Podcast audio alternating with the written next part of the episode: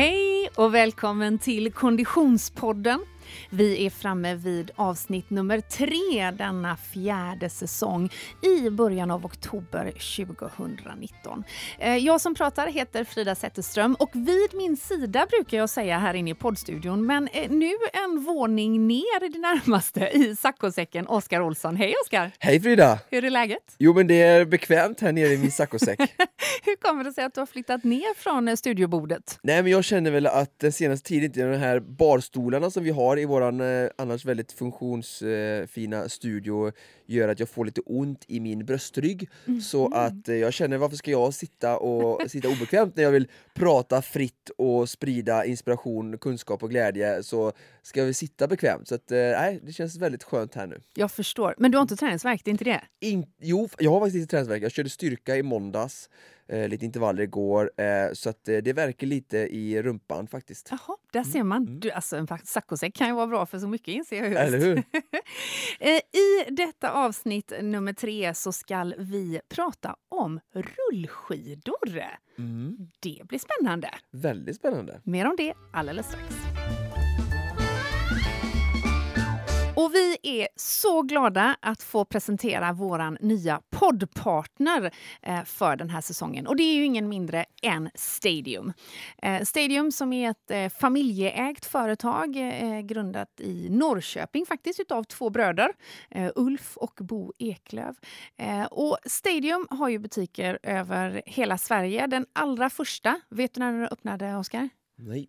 Den öppnade nästan när du föddes, så jag får säga chansar jag på nu. Eh, 1987 Ah, Ja. Du har nästan koll på när jag fyller år. mm, på Sergelgatan i Stockholm. Eh, och Stadium är ju förutom då väletablerade butiker runt om i Sverige också huvudsponsor till bland annat Vasaloppet, eh, Midnattsloppet, Vätternrundan, Lidingöloppet. Konditionspodden. Ja, du hör ju, du hör ju. Vilket sällskap. Mm, eller hur? Så tack för att ni hänger oss, Stadium.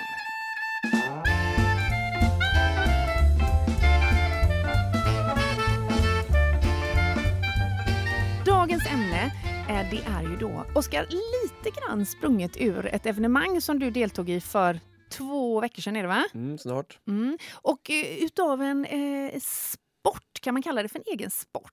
Ja, absolut. En egen jag. träningsform i alla fall, som, som, eh, som du har lite fascination för just nu.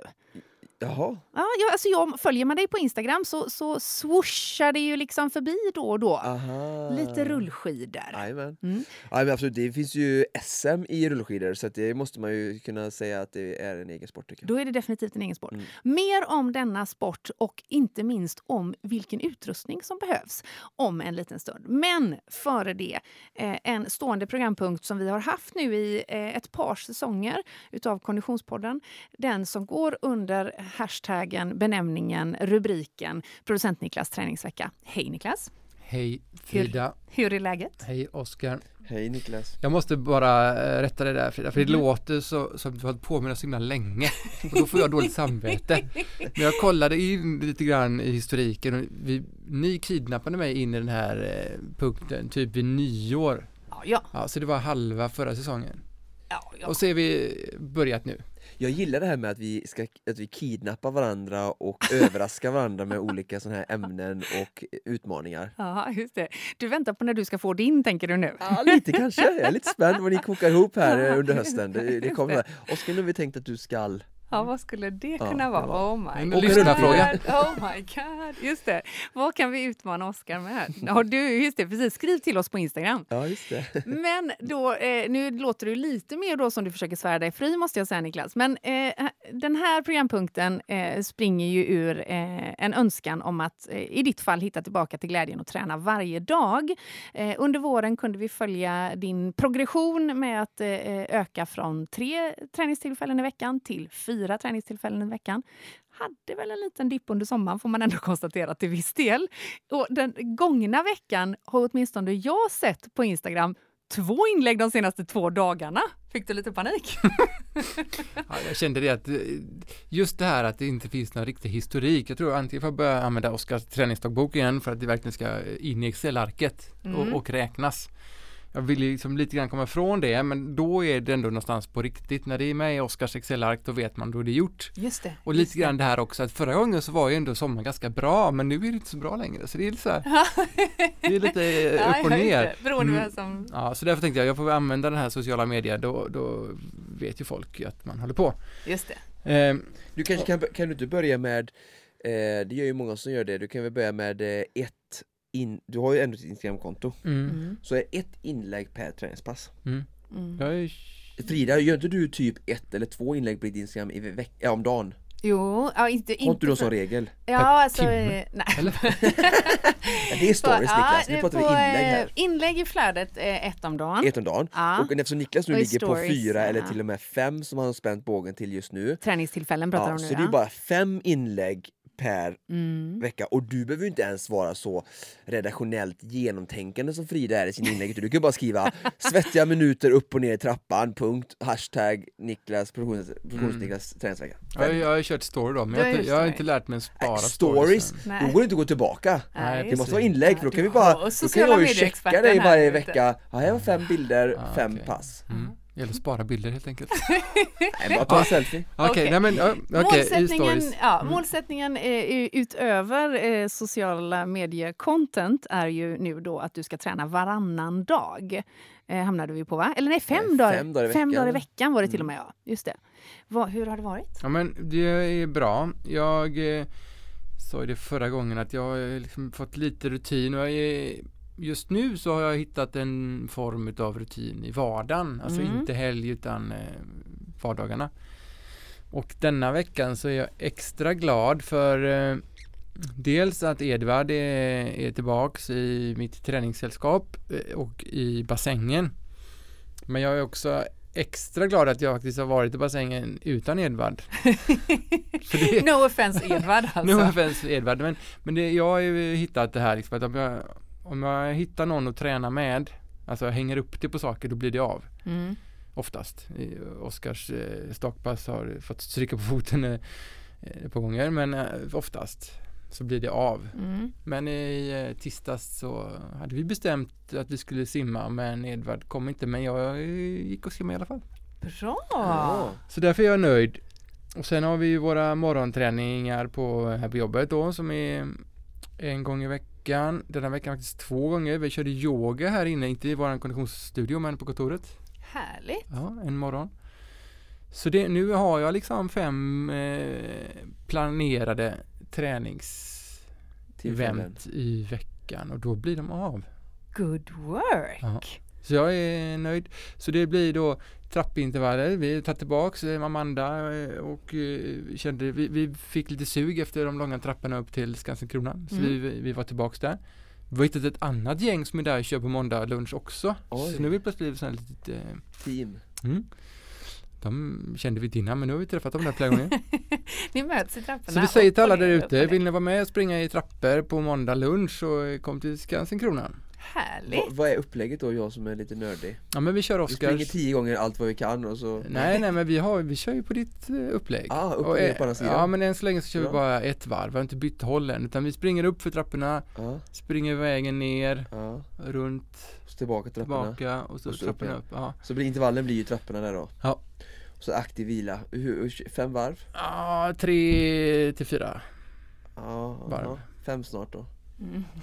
Ja, För jag tänker, jag tänker bara intervalltiden för den trappan var den typ två och en halv minut, tre minuter max. Så tänk, kör ni tre gånger så blir det bara nio minuter aktiv tid. Så. Det är 180 trappsteg. De suger alltså. Ja, 200 tror jag det är, drygt. Mm. Okej. Ja, det är om man tar de två sista där då som är lite asfalt i vägen. Okej. Och för alla Göteborgslyssnare så kan man ta sig till Skansen-Kronan och kolla detta om man vill. Ja, eh, måndag lunch. Mm, Okej, bra. Så eh, du, du har hittills redovisat en yoga, en trappintervall, lunch och eh, en Sim- bassäng, Ja, eh, simpass och sen Ja. har vi Oskars eh, stakning i eftermiddag och sen har jag eh, Moas. Så det kommer faktiskt bli sex pass för jag har även ett simpass med Oh imorgon. my god, okej. Men det är om bra. yogan då, eh, det blir dubbla pass egentligen i måndags kan man säga. Mm. Bra, mycket Så jag är bra. med feeling strong. Ja, guldstjärna i kanten. No, to be continue. To be continued. Mm. Och nu, över till dagens ämne. Eh, om vi nu, eh, Oskar, ska börja med att recappa Klarälvsloppet. Ta oss tillbaka. Oj. Jag får nästan börja förra året, för det har jag inte berättat om. Nej. Eh, för det är nästan där som min eh, ja, fascination och eh, relation med eh, Karlstad och Klarälvsloppet började. Eh, jag åkte med den här skidklubben som jag är med ibland och hjälpt och coachat. SK Glädjen. SK Glädjen, ja precis. Och ett glatt gäng eh, runt om i Sverige eh, som samlas och åker och kör tävlingar och tränar ihop och träningsläger och sådär. Och jag har åkt där många gånger, eh, ja de åkte från början, det, väl, det, var väl fjärde året nu då som Klarälvsloppet körde eh, i ordningen. Och eh, som sagt var med där uppe förra året, eh, var väldigt eh, ödmjuk och eh, högst ovetandes. Eh, jag har åkt rullskidor mycket sen jag var ja, säkert alltså 25 som en del av min vinterträning som komplementerande alternativ träning till min triathlon. Mm. Ehm, ja, på vinterträning helt enkelt för att få styrka och kondition och göra någonting annat. Så. Och jag har alltid tyckt det var roligt och jag har haft en styvfar som alltid hjälpt mig och ehm, ja, så jag, jag, är ju väldigt trygg på rullskidorna så, så det har inte varit något att träna på det eller tävla har inte varit någon, eh, något hinder så utan jag känner mig väldigt liksom, balanserad och trygg på, på skidorna. Många kan ju uppleva att det är väldigt rangligt och svårt, det finns inga bromsar och folk är rädda för det och så. Så, att, så det var ju ändå en ganska låg tröskel. Men, och så tänkte jag att jag kan åka med upp eh, och ändå prova. Men stod där i fart, startfållan 2018 i september och visste ingenting och stod i första ledet bland motionärerna då som är bakom elitledet. Och eh, vi åkte iväg eh, och det gick väldigt fort i början. Eh, vad, är, vad, är, det för distans vi pratar om? Det är nio mil. Mm. Så man åker ut nio mil eh, norr om Karlstad, Hagfors och sen åker man hela vägen eh, tillbaka. Eh, då på en. Det är faktiskt en, många som känner mig från Göteborg då som vet att vi har en banvall som går från Göteborg via Hjällbo, Gråbo mot Lerum till eller Sjövik. Det är också en gammal banvall alltså, mm, som det går mm. tåg för som är Eh, vi har, eh, alltså, som eh, de har ett asfalterat gjort en cykelbana. Just det. Och på samma sätt är det Karlstad en gammal banvall som är som en upphöjd gräskulle mm. som sträcker sig genom hela Värmland på att säga. Men den är nio mil då, som är asfalterat och det är väldigt bra standard på asfalten. Så det är därför de kör både cykel cykel och löplopp på samma sträcka den här helgen. Just det. Och den, det, är här... en, det är som en stor motorväg för cyklister om man och säger så. används inte på av några andra fordon liksom? Nej, mer än, än allmänhet och cyklister. Ah, och det här är ju ute i Tassemarken uppe i mm. Värmland, mm. no offense så, men jag menar det är inte så mycket människor som det är till exempel i Göteborg och Stockholm så att den är ju inte direkt eh, eh Sönderkörd? Nej, nej, och inte heller, det är inte så att det är hur mycket trafik som helst, att man behöver stänga av eller nej. Ehm, utan det är mer så att lokalbefolkningen bara samlas ju och det står folk längs med sidorna hela vägen mm. för man åker igenom massa byar och mm. Så att jag har rekommenderat många av mina kunder att bara åka upp dit egentligen när som helst om de vill åka på träningsläger och antingen ett, cykla mm. De kan cykla fram och tillbaka, det är 18 mil, man kan ju mm. vända när man vill så får man ju det och utgå från Karlstad eh, mm. som är en trevlig stad och vill man åka rullskidor då så är det om man är rädd, det finns inte en enda backe mm. det, det är som, du behöver aldrig bromsa, det är, det är hur safe som helst, inga bilar och korsande vägar utan bara nio mil rakt fram och mm. åka rullskidor så, att, eh, ja, så ett gyllene läge för den typen av men det här Klarälvsloppet då, vad är det för, liksom, hur många är det som deltar? Vad är det för... Eh... Ja, men det är många. Mm. Det har vuxit mycket. Och eh, de, det är en bra eh, säga, organisation bakom som gör det väldigt bra, skapat många lopp, som jag säger, både löpningar och cykelloppet på söndag. Så mm. De attraherar både cykling och rullskidor, den absoluta eliten. Eh, så de, och det är mycket också för att de har väldigt generösa eh, vinstpengar både till ettan, tvåan, trean i mm. elitklasserna. Mm. Så det blir att det blir väldigt liksom, mycket elit och då får de ju också när det blir mycket elit, de har fattat det här att får vi mycket elit, ja vad får vi då? Då får vi mycket medial uppmärksamhet mm. och då växer loppet bland motionärerna, är yeah. ringar på vattnet. Så de, de attackerar det på helt rätt sätt som jag tycker alla typer av tävlingar borde göra. Att man behöver eliten för att få uppmärksamheten och då får du massan mm. och då får du mer pengar, mer möjligheter att göra ett jättebra event. Så. Mm. Så att, eh, det är många som deltar. Jag vet inte, rullskidorna kanske det var, det är säkert 500-600, alltså mm. det, det, är många mm. Eh, för att vara rullskidslopp. Det är säkert, ihop med Alliansloppet, det är bland de största del, deltagare som vi har i, i Sverige eller Norden eller så vad jag vet. Mm. Men så förra året så fick du, gjorde du eh, debut. Ja, Mm. och vi gick iväg där på starten och eh, det, jag kommer bara ihåg att det gick väldigt fort. ehm, och jag, men jag hängde med längst fram i den här gruppen då, kanske var 100 stycken i den här startgruppen. Och eh, man la sig som på cykling i, på ett led och hjälptes åt och jag blev väldigt fort fascinerad av att eh, vilken otroligt hög hastighet vi kunde hålla eh, i jämförelse med vad jag har när jag kör själv på träning då. Och Mm. det blir verkligen precis samma ni som cyklar, samma typ av effekt av klungkörning och att ligga på hjul eller bakom på rulle så. Och eh, nej men det, det, var en ganska behaglig resa jag fick eh, Ja. hela vägen egentligen för att jag åkte med en, ett duktiga gäng där, vi var väl kanske 20 pers till slut. Först var det ju 80 men det tappade av hela tiden och emot mål var vi 10 men stora delar säkert 20 personer och vi kom ikapp folk längs med vägen och så kom vi ikapp några från elitled som hade startat fem minuter innan och jag, Det gillar du det? ja, det var bara shit vad, vad bra jag är och att jag är med här och Mm. bara jag fattar inte riktigt, jag fick inte ihop det men det här är elitledsfolk, varför kommer Mm. vi ikapp dem? Men Mm.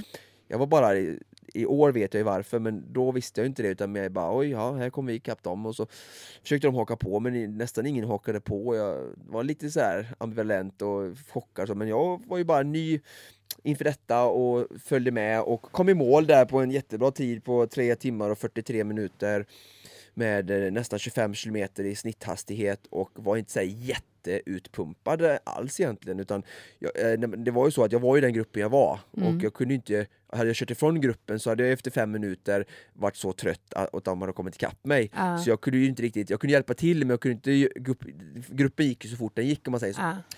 Så att, eh, ja men då var jag klar med det och så var jag väldigt nöjd och så hade jag liksom en tid som räckte till startled 1 till Vasaloppet och eh, sidning och man tänkte wow det här var ju häftigt, det här kanske jag har lite talang för eller alltså, ja, lite förberedelser. Så jag bestämde mig då att jag ska köra i, i nästa år igen då, tänkte jag då, för att det Just var det. väldigt roligt. Så kom ju nu hösten igen och jag fokuserar på Ötjö och jag har berättat hur det gick och, och sådär och sen så bestämde jag mig att eh, nej, men, när jag, kroppen återhämtade efter några dagar efter Ötjö så ska jag bara åka rullskidor, inte springa någonting utan bara åka rullskidor lite varje dag för att komma in i bara den liksom, fysiologiska rörelsen. Mm. Ehm, och, och, och så känns det bra när en vecka kvar ska jag anmäla mig. Och så har jag under den här tiden jag åkte och det kändes väldigt bra och jag körde lite thorax eh, och, och gjorde bättre än jag gjort någonsin förut eh, vid den här tiden av året och kände, men ska jag åka eh, Klarälvsloppet igen så Mm. eftersom jag inte var så liksom, slut förra gången så får jag nog starta elitledet. Just det. Eh, för, att det, så, för att det ska bli någon typ av ny utmaning för annars hade det bara kanske blivit samma som förra året då tänkte jag. Ehm, så jag ville verkligen spänna bågen då, så då skrev jag in och, och, om min tid och försökte sida mig upp och så i, i år så var det i förra året var det typ 50-60 elitledet, men i år var det 100 så det var fullt. Det är bara 100 som får plats där då. Just det, det. det är sån här låneskida, alla köper samma, så det Ah. finns bara 100 då. Ja, så att, eh, då var det precis på håret att jag kom in. Det var, jag blev sidad som plats 90 Mm. av 100 då. Så jag stod nästan längst bak i det elitledet då, det var bara 7-8 åkare bakom mig. Och, eh, men väldigt taggad och, och spännande och spänd på att få, få stå med världseliten i längdskidor för långlopp då. Mm. De som vinner Vasaloppet och andra sådana här stora Marcialonga och Mm. sådär. Och alla mina idoler i princip, man ser dem där, vi stod och värmde upp tillsammans och det, det är väldigt surrealistiskt. Så. Blir du lite starstruck? Ja, ja, ja, ja, ja. Ja. Tar du autograf? Sta- ja, men jag tänkte det och selfie med bara Oskar behärskar dig, låt dem förbereda sig. Ehm, men ödmjuk och starstruck men samtidigt väldigt förberedd på att få väldigt ont. Just Jag det, visste att det här kommer göra ont. Just det. För jag har inte åkt så mycket rullskidor och de här är mycket bättre än mig. Men jag hade ändå sidat in där. Mm. Så jag stod där på mina eh, låneskidor då som jag inte visste någonting om. Det var ju inte mina egna skidor utan alla får ju då som sagt tilldelade för att det ska vara exakt lika förutsättningar. Ja. Så ingen kan mixtra med någonting utan alla står på exakt samma grejer. Och starten går och, och precis som förra året innan då så går det sådär extremt fort. Och eh, såklart ännu fortare då än eh, förra Såklart. året. Och jag visste det att den största, den kritiska punkten är de första tre kilometerna tänkte jag. Okej. Ehm, för, jag för jag kommer ihåg det, för man startar på en stor riksväg, 90, alltså det är 90 km i timmen, sån här stor, Ah, och så har man båda filerna och stängt av tre Ah. kilometer innan man kommer in på cykelbanan. ja. Så det är som en stor bilväg och man åker genom ett samhälle, man åker på båda sidor av refugerna. Ja. Och, liksom, ja. Och där hundra stycken åker iväg och, och um, gan- efter typ en och en halv kilometer så har den här hundramannaklungan delat sig i mitten så det är 50 där fram och 50 där bak. Okej. Och jag lyckas precis ta några bland de sista, hänga kvar i svansen på den här första klungan då som formeras där de bästa är. Mm. Och det går så fort så att eh, folk flyger bara av liksom, direkt liksom. Och det är ja, säkert 35 km i timmen. Och eh, vi kommer in på cykelbanan och jag hänger med och, och jag känner att jag går på, jag har, min puls är liksom röd och det kan man ju egentligen det gör man ju på korta intervaller, det gör man ju inte på ett lopp som är fyra timmar långt. Men jag, mi- mitt mål var ju bara så här, jag ska hänga med så länge jag kan. Just det. Så jag hänger längst bak där och sladdrar och det är häftigt och det gör fruktansvärt ont. Eh, och sen efter typ 10-12 kilometer så är det en framför mig som eh, stöper i backen och jag eh, hinner inte, finns ingen chans att väja eller så, så jag åker rätt ner i diket. Eh, kommer upp väldigt fort, skrapat upp min armbåge och, och knä och så är det ingenting som man märker i stundens hetta. Kommer upp och kör igen och försöker jaga och det är ju såklart, man försöker jaga i stundens hetta men det är klart att hur ska jag kunna jaga i kapp Ja, de nej, som är bättre inte. än mig? Ja.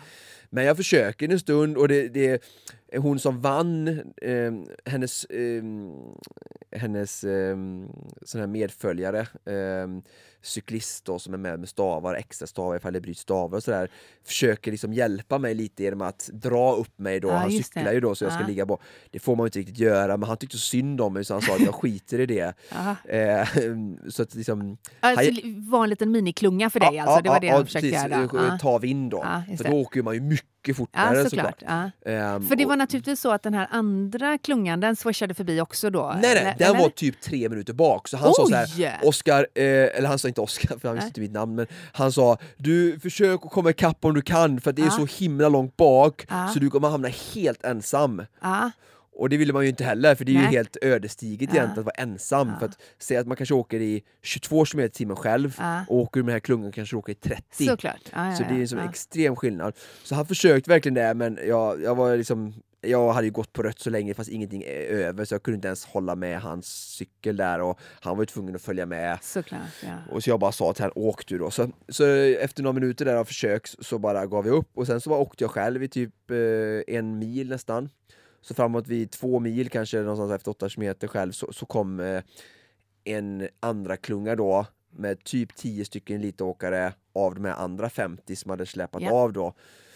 ehm, samlats ihop då. Så jag kom in i den gruppen, åkte med dem, väldigt bra samarbete och tänkte att "Ah, ja, nu, det var ju tråkigt detta och jag kände så här, ska jag bryta nu eller? För att jag visste ju att nu det där tåget jag ville, målet var att åka Ja. med dem mycket längre.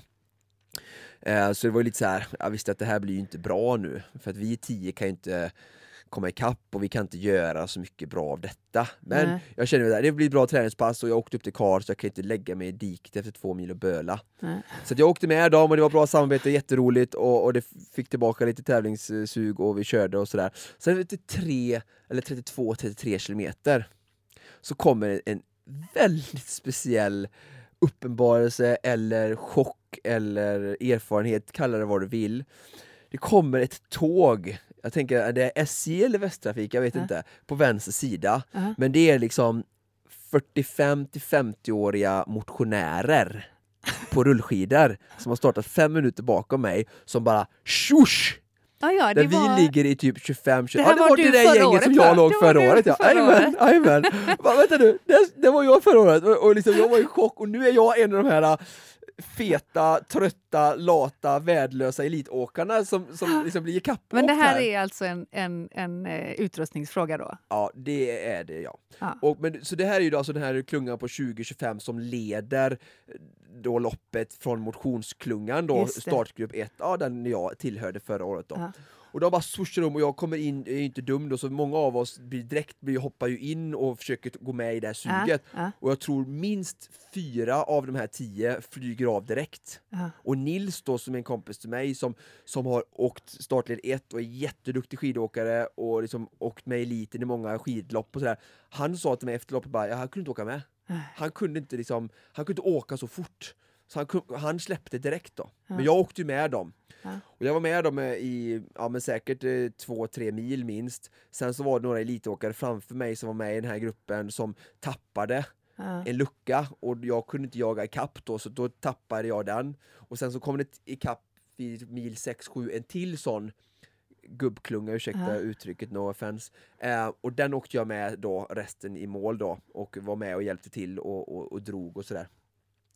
Eh, men det var en sån surrealistisk upplevelse att bli nerpissad av Ja, jag ser mig som stark och vältränad och sådär och, Ja. och ingen snack om att det här är duktiga män som tränar mycket, som är starka, som är duktiga skidåkare och åker Vasaloppet på säkert fem och en halv timme men fortfarande några som jag ser mig eh, bättre tränade än. Så att, eh, men jag kom i mål och som sagt kom i mål då på 3.47, 3.48, fem minuter långsammare än året innan och eh, mörbultad och hade tagit ut mig bra mycket mer än året innan. Ehm, och var, blev slagen av den här, då, 3.31 hade den här bästa klungan då som jag tillhörde året innan. Ehm, så att ehm, Ja, fick stryk med 16-17 minuter då av några äldre farbröder. Då. Men, och, och, och vad är då lärdomen av detta? Jo, alltså jag pratade med en elitåkare som hade åkt den här gruppen med mig då och han sa ju så här att ja, så här är det varje år och han var också så här att Nej, men han, var också, han, hade också, han hade hängt med den här elitgruppen i fram till mil 4 eller 5 innan han släppt och sen hade vi kommit ikapp han. Mm. Så han alltså, där jag ramlade, då var han fortfarande med och han hade Mm. åkt med här första gruppen då, de som vann hela vägen till 4-5 innan han hade fått släppa då eh, på grund av en lucka och sådär då. Och han berättade för mig bara att ja, men så här är det jämt och, och de som åker på de skidorna borde inte, det borde knappt vara sidningsgrundade för Vasaloppet på samma premisser och eh, det är liksom två olika sporter. Eh, och han sa att de skruvar och grejer med sina hjul och, och fixar och donar och det är en hel vetenskap det där sa han. Och, eh, eliten bryr sig inte så mycket, sätter inte så mycket vikt för det för de tävlar emot sig själva Just det. eh, och inte mot något annat. Och jag förstod också då, för jag, förra året så sa- de sa till mig, de här som jag åkte med då, att ska du, jag, varför åker inte ni elitledet? sa jag. Mm. De bara, nej vi ska inte åka där. Och nu fattar jag mer att även om de kvalar in till elitledet så vill de ju inte, Nej, för de vet att får jag sådana skidor så Ja. kommer jag åka av direkt. Och, så det är bättre, jag gör mig bara en otjänst, det är bättre jag står med mina skidor bland motionärerna och gör en, en, en bra rättvis tid för mig då. Mm. Så att, äh, men väldigt spännande erfarenhet, jättekul, bara en ära egentligen jag tar med mig att få ha stått bland de här idrottsmännen som är helt eh, fantastiska idrottsmän och eh, kul att se dem close-up, som sagt stora idoler och eh, eh, väldigt, ja, nästa år så, jag vet inte, jag, ska jag ställa mig där igen så måste det vara elitledet och då tror jag inte att jag kan köra Göteborg tre veckor innan eller två veckor innan. Eh, så att eh, jag får nog göra det vid ett annat skede i livet. Vi får tänka över det igen.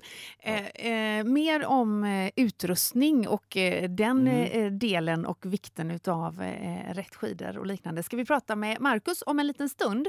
Mm. Eh, men, men jag måste bara fråga dig Oskar, om man nu lyssnar på detta och känner ja men jag, jag satsar på skidåkningen Ja. i vinter, jag kanske Ja. ska köra Vasaloppet eller Mm. liknande. Men jag har inte vågat mig på rullskidor ännu. Vad Nej. har vi för träningstips till den poddlyssnaren? Ja, en bra fråga. Och vi kanske ska börja med att bara kort säga att alltså, skidåkning generellt har gjort att eh, den, alltså, skidåkning har utvecklats väldigt mycket Mm. Och blivit väldigt stakberoende, alltså stakstyrka, staklik, inte så mycket diagonalåkning och särskilt Vasaloppet. Det går åt mycket på att vara stark i överkroppen och staka. Just det. Så att, kö att köra rullskidor eller att staka med stavar i händerna som Niklas, produktions-Niklas gör på mitt center med Mm. Thorax trainermaskiner. Alltså all den typen av specifik stakträning är väldigt viktig och, eh, och blivit mer viktig att göra. Mm. Jo, så det, bara att komma ja. dit tycker jag är ehm, är jätteviktigt att prata om. Och sen då att, ehm, så det viktigaste är att man kommer till rullskidan. Så här. Sen att prata om så här, ja men jag har inte gjort det, jag är rädd och så här. Då handlar det ju om att ehm, man kan köpa, vi kommer att prata om det säkert med Marcus, om olika tröghet på, på hjulen. Då, Mm. då eh, har du en, en säkerhetsparameter, eh, att de rullar, du kommer inte åka så fort men du får ju samma träning, Mm. bara att det rullar mycket trögare så kommer du inte komma upp i en hastighet och då känns det inte lika läskigt. Mm. Och sen handlar det egentligen bara om att välja platser så som Klarälvsloppet. det. Alltså det är platt cykelbana där du vet, välj ut en sektion, man kan ta bilen och åka ut till Gunnisse som jag sa, Barnavallen där, Mm. åka, det finns inga bilar som korsar, ingenting. Alltså, välj en plats där du kan åka, det kan vara en sträcka på några- bara 3-4 kilometer, så åker man fram och tillbaka Ja, där. exakt. Reka location alltså. Ja, Mm. och, och, och då finns det ingenting, och är man lite där,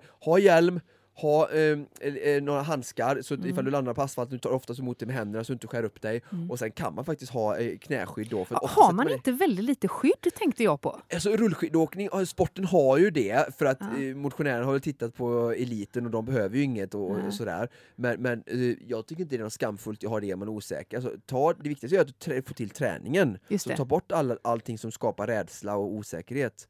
Det handlar om att vara trygg på utrustningen. Ja, just det. Vi ska ta och slå en signal till Mm. eh, Marcus Jönsson som eh, representerar Swinor och eh, ställa lite frågor om eh, eh, rullskidor. Spännande. Hej Marcus! Hejsan hejsan!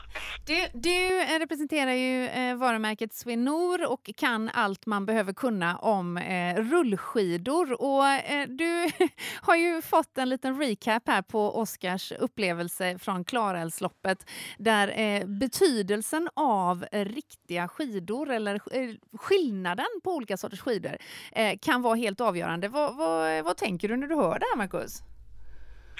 Eh, som jag tänker, jag har ju varit med om det där själv också och eh, man kan väl ta det som för några år sedan så började ju tävlingarna och, och begränsa rullmotståndet på rullskidstävlingar. Eh, vilket gjorde att det inte var fritt rullmotstånd, alltså att man fick använda tävlingshjul som gick betydligt mycket snabbare. Eh, och då finns det lite olika varianter man kan göra på det här. Dels så kan en leverantör låna ut skidor som de gjorde då på Klarälvsloppet. Eh, men de skidorna räcker ju inte till alla utan de räcker ju till eliten. Just det. Eh, och sen så finns det ju, eh, sen så är det ju gänget bakom där eh, ska ju ha låneskidor då. Mm. Eh, och det största problemet nu är väl egentligen att det inte finns någon, eh, någon riktig standard på det här. Och jag åker ju på de grejerna som eh, vårt varumärke Svenor är. Eh, och det känns ju som många gånger inte det är det snabbaste. Ehm, så det, och jag, vad jag förstod det som så upplevde Oskar det här lite grann också. Och ändå kan man väl säga att de låneskidorna du har, Ja. de går ju ganska lätt de också om du kollar på förhållandevis vad hastigheten är på snö. Ja. Du, hade, du var 20 minuter efter täten, eller vad sa du? ja, förra året ja. Ja, förra året. Ja, och då hade du, och det är ju 90 kilometer och det betyder att du hade typ 3,40 eller någonting Ja, kanske. ja, ja. Ja, och då kan man ju ta den, alltså, den eh, jämförelse med exempelvis Vasaloppet. ja. Och, och åka Vasaloppet för dig, som i den nivån du är just nu, det finns ju liksom inget sånt före som skulle kunna få in dig på 3,40. Nej. Det spelar ju knappt någon roll om du har medvind och det är Nej, nej. isföre och nästan storm i ryggen. Nej. Så klarar man inte det. Nej. Så redan låneskidorna går ju och de vinner ju, de vann väl igår på 3,15. Ja, ja. Så det, redan låneskidorna går ju väldigt fort. Men sen så kommer då det som du upplevde nu, att det är de bakom ännu snabbare skidor. Mm. Men, men Marcus, hur går snacket i, i liksom branschen om detta? För det här måste ju ändå eh, skapa någon form av problem i hur, när man liksom arrangerar tävlingar. Att man kanske, då som Oskar säger, inte ens vill sida in sig i elitledet. Ja visst, nej och det, och det finns väl i, lite olika uppfattningar av det här. Och jag, jag, om det var förra året eller för två år sedan, då åkte jag ju en rullskidstävling i Norge. Där det var låneskidor också, men då lånade man faktiskt ut tröghjul. Där sen så var ju det så att det täckte alla deltagare. Så Just det var ju ett, ett bra alternativ tycker jag. Men sen så finns det ju fortfarande en kategori och jag körde ju senast en tävling i helgen eh, där jag blev Götalandsmästare på rullskidor. Och där, eh, där hade vi, först åkte vi på fria hjul och det är det snabbaste man kan ha. Det har alltid varit och dessutom skate. Och sen så hade jag ju fått tag på ett sånt här par som skulle vara liksom konkurrensmässigt med det, det som rullade bäst just nu. Mm. Eh, och då hade jag ju lika bra som de andra. Men min, för det var nämligen så att man körde först en skate-del och sen en klassisk del. Och klassiska delen var ju begränsat rullmotstånd. Och där skilde det, där skilde det, jag hade bara 35 sekunder sämre tid på den klassiska delen. Så ett sån, de här tvåorna som är ute nu som folk säger, de går ju inte så långt ifrån ett tävlingshjul. Eh, och det är ju ett en liten problematik i branschen. Och att man, men sen så får man ju se skillnaden också. Vill jag bli bra i rullskidor eller vill jag träna rullskidor för att bli en bra längdåkare? Just det. Ja, och det är ju jätteviktigt att se skillnad på det här. Dels så ser man oftast topografin också på rullskidstävlingarna. Att de är, alldeles, de är ju väldigt flacka rullskidstävlingar generellt är ju för att alla ska kunna få med. Mm. Och riktigt så blir det ju inte på vintern heller.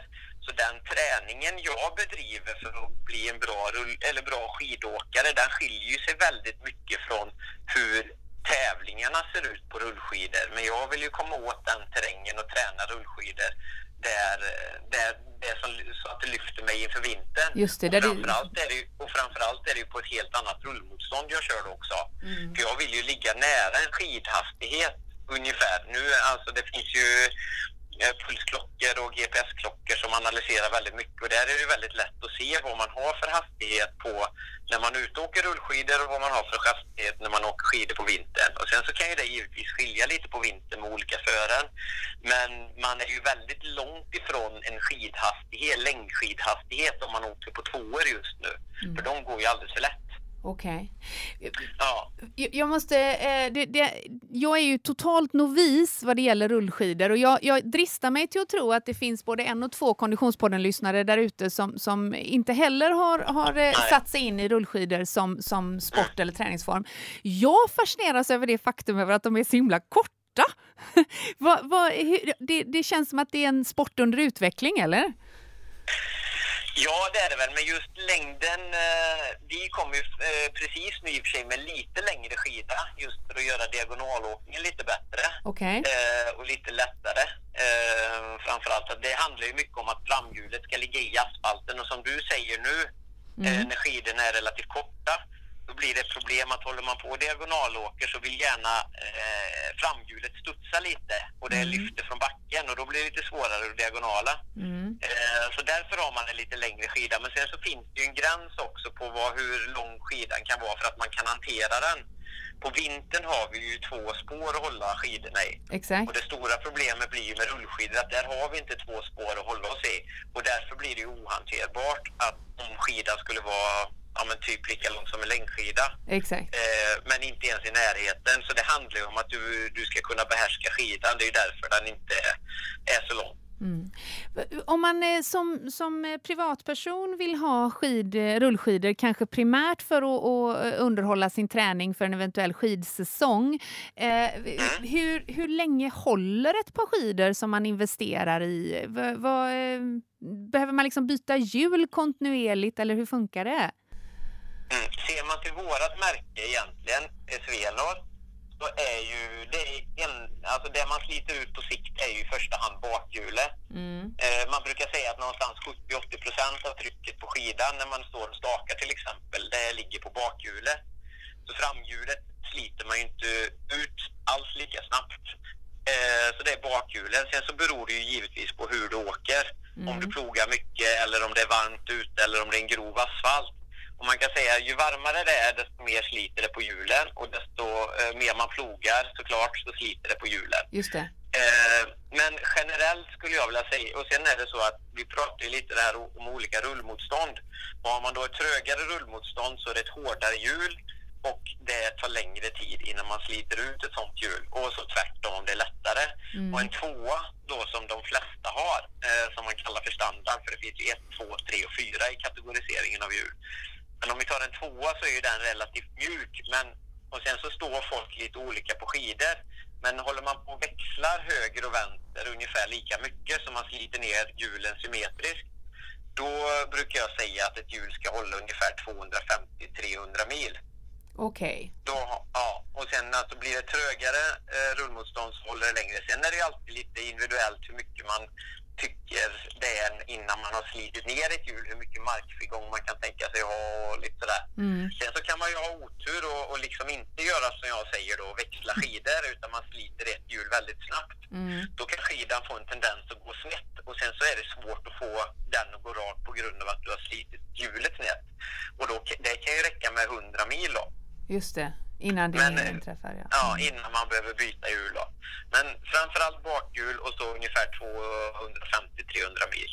Och, och det handlar i, oftast är det ju inte så att man sliter ut lager och sånt här utan det är generellt så är det att man, man sliter ner gubbigt på hjulet.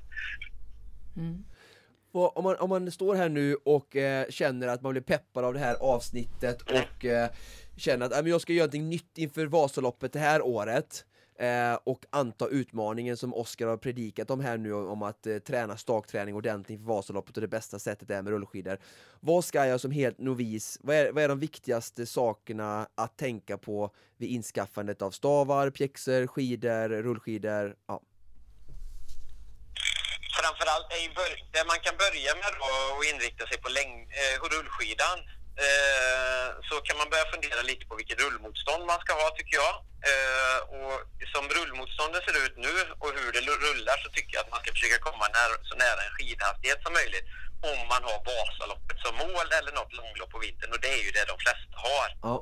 Eh, och då tänker jag mig en trea, alltså tre, rullmotstånd tre runt om. Eh, nästa steg som man kan behöva fundera på det är om man ska ha, eh, om man vill ha en, en stomme som sväljer vibrationerna eller en lite stummare stomme som inte gör det. Och den, den, våran storsäljare och den vanligaste rullskidan som rullar på vägarna det är ju fiberglas heter den, Veno fiberglas. Det är den vanligaste skidan. Och Är den jag- jag gulvita? säga- Vad sa du? Är den gulvit va? Ja, gulvit eh, och lite svart är det väl i den nu också va? ja, ja. Mm. Eh, och, och den brukar, är man osäker på vilken skida man ska ha så tycker jag, jag brukar säga det att den skidan passar, den blir inte dålig till någon om man säger. För den, det man tittar på också lite det är hjulbredden på, på hjulen. Alltså man brukar generellt säga att lite bredare hjul blir lite stabilare skida. Eh, det brukar ofta stämma men sen så går det ju till en viss gräns också. Att har man ett alldeles för brett hjul så sitter ju mycket av vikten i skidan sitter i hjulet. Mm. blir det ett väldigt brett hjul då, som det är på Finestep som också är, har samma stomme som fiberglas men ett mycket bredare hjul, då blir den relativt tung. Men är man en tung person då är det ingen fara, då är det bara bra för då blir det bättre bärighet. Men om vi går tillbaka till det här med, med hur den ska absorbera vibrationerna som blir i asfalten kontra det som blir i, på snö till exempel. På- För en längdskida på snö går ju väldigt mjuk, man känner ju liksom inte att det skakar. Men asfalten kan ju se väldigt olika ut och är det en grov asfalt då skakar ju skidan mer. Och då har man ju fördel med en sån här, den skida jag var inne på nu som heter Just det. fiberglas. det är bra komfort. För den har en, den har en laminerad träkärna. Så den, och just den stommen, den tar ju upp vibrationen väldigt bra. Sen är den stommen, den är gjord lite som ett spann också. Så att den ska påminna lite om en längdskida. Och där man producerar den här skidan, det gör man även längdskidor. Så Den är, den är gjord precis som en längdskida bara för att skapa rätta, rätta känslan. Mm. Eh, å andra sidan, som när man tänker på själva rullskidan och stommen, då, är det ju, då har man oftast ett aluminiumalternativ. Eh, och det finns bra och dåliga aluminiumskidor också. Det finns rent budgetaluminiumskidor. Men de ska man vara medvetna om att de är ju ganska stökiga. De, och speciellt nu på hösten om de börjar slänga ut eh, singel och sånt på grusgångarna eller på cykelbanorna, då blir den, en sån skida väldigt hoppig. Sen så finns det lite bättre eller väldigt bra aluminiumskidor. Jag åker ju själv ganska mycket på aluminiumskidor. För det, den svarar lite på ett annat sätt. Den blir lite stummare och så är det en rak profil och kanske lite lättare och diagonala på. Mm. Eh, och den blir oftast lite billigare eh, i så fall. Men sen så skiljer det i relation till vad man får så tycker jag prisskillnaden är för lite. Ehm, och sen så ska det givetvis finnas stänkskärmar och sånt. Det måste det finnas på rullskidorna för annars eh, förstör man sina pjäxor och det skvätter upp massa grus och så. Det är egentligen oavsett om det, det är torrt eller inte. Men, an, men en fiberglas är som sagt var, det, det gör, eh, det passar till de flesta. Sen är man väldigt, är man kanske väger man över 100 kilo, då kan den bli lite för mjuk och då kanske man ska ta en fine step eller en Alutech till exempel, en aluminiumskida. Eh, och till exempel väger man 50-60 kilo, då kanske det är bättre att gå på en carbon fiber som har ytterligare mindre hjul. Eh, och, men det är samma stomme till exempel.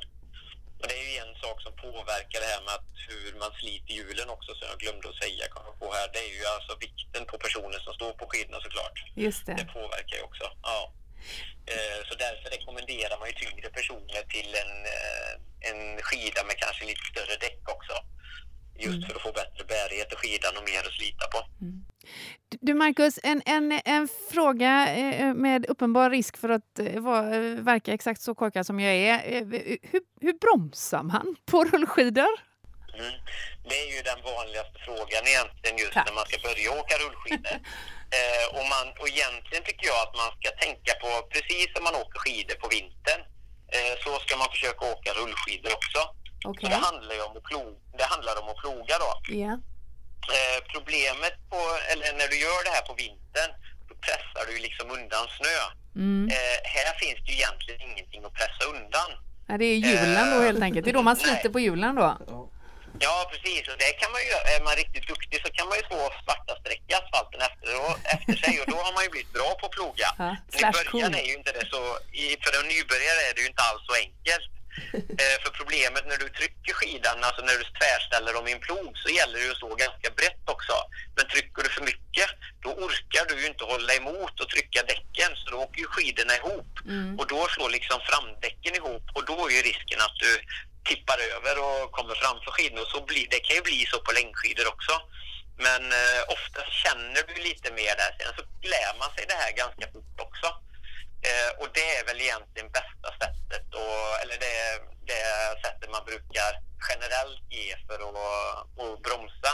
Sen finns det lite andra tekniker med att, att köra. Det beror på hur vägrenen ser- ut till exempel, för då kan man sätta ut ena skidan i vägrenen eller om det ser det bra ut så kanske det är gräs jämte.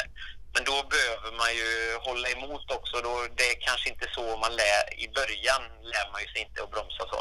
Okej. Men du Marcus, jag känner att jag, jag, jag ringer dig privat nästa gång när jag ska lära mig bromsa faktiskt. Men jag känner såhär, Niklas ska inte vi skaffa ett göra. rullskidor till Frida nu? Ja, lugn och fin i stormen. Du Marcus, eh, du är ju själv eh, elit inom skidåkning eh, och vad väntar höst-vinter eh, 2019 för dig? Mm, Det är väl egentligen uteslutande långlopp är det ju. och så, såklart Vasaloppet är ju det största så. Det är det. Eh, Men sen så kommer det nog bli, framförallt i början av säsongen och fram till eh, Vasaloppet så blir det nog långlopp eh, ja, i södra delen av Sverige. Alltså det, ja, typ där vi bor. Försvara Västra Götalands titel, eh, titel nu då? Ja, Ja. mycket bra. Vad, vad, vem tävlar du för? Åker du ett lag eller tävlar du klubb? Nej, nu tävlar jag för Tranum och IF skidor. Ja, Senast jag tävlade för något team, då var det ett tjeckiskt team som jag tävlade för. okej. Eh, var det. Men det var, nu är det ju två år sedan va?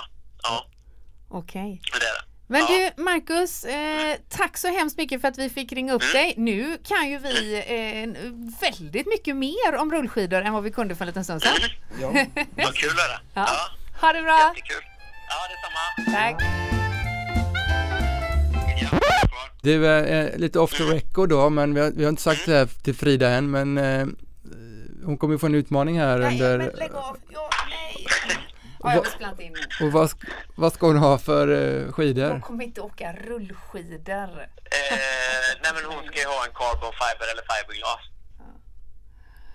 Ja, jag kommer Perfekt. inte åka rullskidor, jag åker inte ens vanliga det är skidor. förberedelse för något annat som kommer sen. Ja, ja. Åh, vad jobbiga ni är. Ja, Okej, Marcus, tack så hemskt mycket.